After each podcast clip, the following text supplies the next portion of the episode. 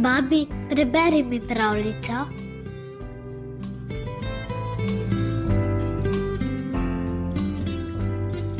V kitajskih pravljicah veliko krat nastopajo zmaji, ki imajo nadnaravne sposobnosti. Največkrat ljudem pomagajo ali jim omogočijo kaj nenavadnega. Zakaj je torej mladi Čao postal cesar, nam pove južnokitajska pravljica Tjulnjev duh. Stari Čao je imel ribiški čoln, v njem je živel z ženo in sedemnajstletno hčerjo. Vsako jutro so odveslali na morje lovit ribe in vsak večer so privezali čoln ob obalo. Neke noči, ko je hči že spala v zadnjem delu čolna, jo je zbudil šum v vodi. Vzdignila se je, pogledala in videla, kako iz vode pleza v čoln tjulenj. Na deski se je samo zavrtel, pa je v trenutku postal lep mladenič. Šel je k deklici in ji rekel: Usoda naju je namenila drug drugemu. Že dolgo je tega, kar me je omamila tvoja lepota. Kaj naj bi mu odgovorila na to? Postala je njegova žena, očetu in materi pa tega ni povedala. Tjulnjev duh je prihajal poslej vsako noč k njej in kmalu je zanosila. Ko je njen oče praznoval šestdeseti rojstni dan, se mu je morala hči ob voščilu globoko prikloniti. Oče je opazil, kako težko se je priklonila. Uganil je vzrok in se je strašno razjezil. Ko se je deklica vrnila v zadnji del čolna, je začel zmerjati ženo. Kako nisi vedela, kaj počne tvoja hči? Žena pa mu ni mogla odgovoriti nič drugega, kakor to, da ničesar ne ve. Zagotavljala mu je: Nikoli nisem videla nobenega moškega v našem čolnu. Ponoči smo pa tudi daleč od ljudi, privezani k samotni obali. Tudi nobeno jutro nisem videla na obali nobene sledi človeških korakov. Morebiti je bolna? Vprašala jo bom. Mati je hčer spraševala in spraševala, dokler ji naposled dekle ni vsega priznala. Ali vsaj veš, kje prebiva? jo je vprašala mati. Hči ni vedela. Mati je predlagala: Vzemi tole konopljino nit, vdeni jo v iglo, naredi vozel in ko bo nocoj prišel, zabodi iglo v njegovo suknjo. Tako bomo že izsledili njegovo bivališče. Deklica je pritrdila, da bo storila tako. Ponoči je, kakor zmeram, prišel tjulenj. Deklica je sedela in jokala. Zakaj jočeš? je vprašal mladenič. Ali si žalostna zaradi tega, ker sem tako pozno prišel? Uboga deklica ni vedela, kaj naj mu reče. Premišljala je, ali ne bi bilo najbolje, da mu vse pove. Potem si je obrisala solze in mu govorila o nečem drugem. Preden se je mladenič naslednje jutro odpravil in se spet spremenil v tjulna, mu je v suknjo zataknila iglo, v katero je bila vdeta konopljina nit.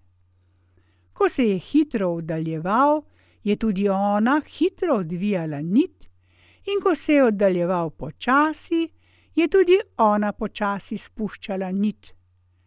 Nit je plavala na vodi, kdo ve, kako daleč. Ko se je zdanilo, je vzel oče sekiro in se s čovnom odpravil za nitjo. Najprej se je izgubljala daleč v morje, naposled pa se končala na obali. Ko je vzšlo sonce, je oče zagledal velikega tjulna, ki je mrtev ležal na obali. Žalosten, ker je hčerka izgubila ženina, je izkopal jamo in jo zagrebil vanjo. Ženi in hčerki je povedal, kaj se je zgodilo.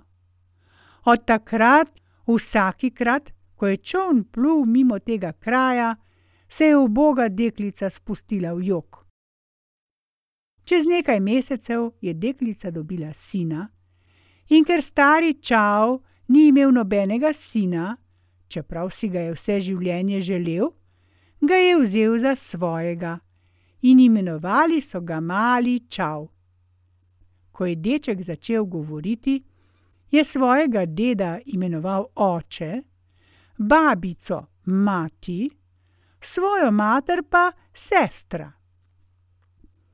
Kmalu pa je opazil, da je sestra njegova prava mati, in je začel vpraševati, kdo je njegov oče.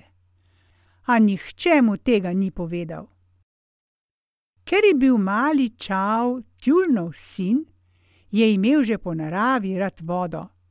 Ko mu je bilo komaj štiri, pet let, je že skakal v morje, imenitno plaval in lovil ribe ko mu je bilo enajst, dvanajst let in so bile po zimi vse vode zamrznjene, je izvrtal luknjo v led, skočil vanjo in prinesel iz nje polno košaro rib.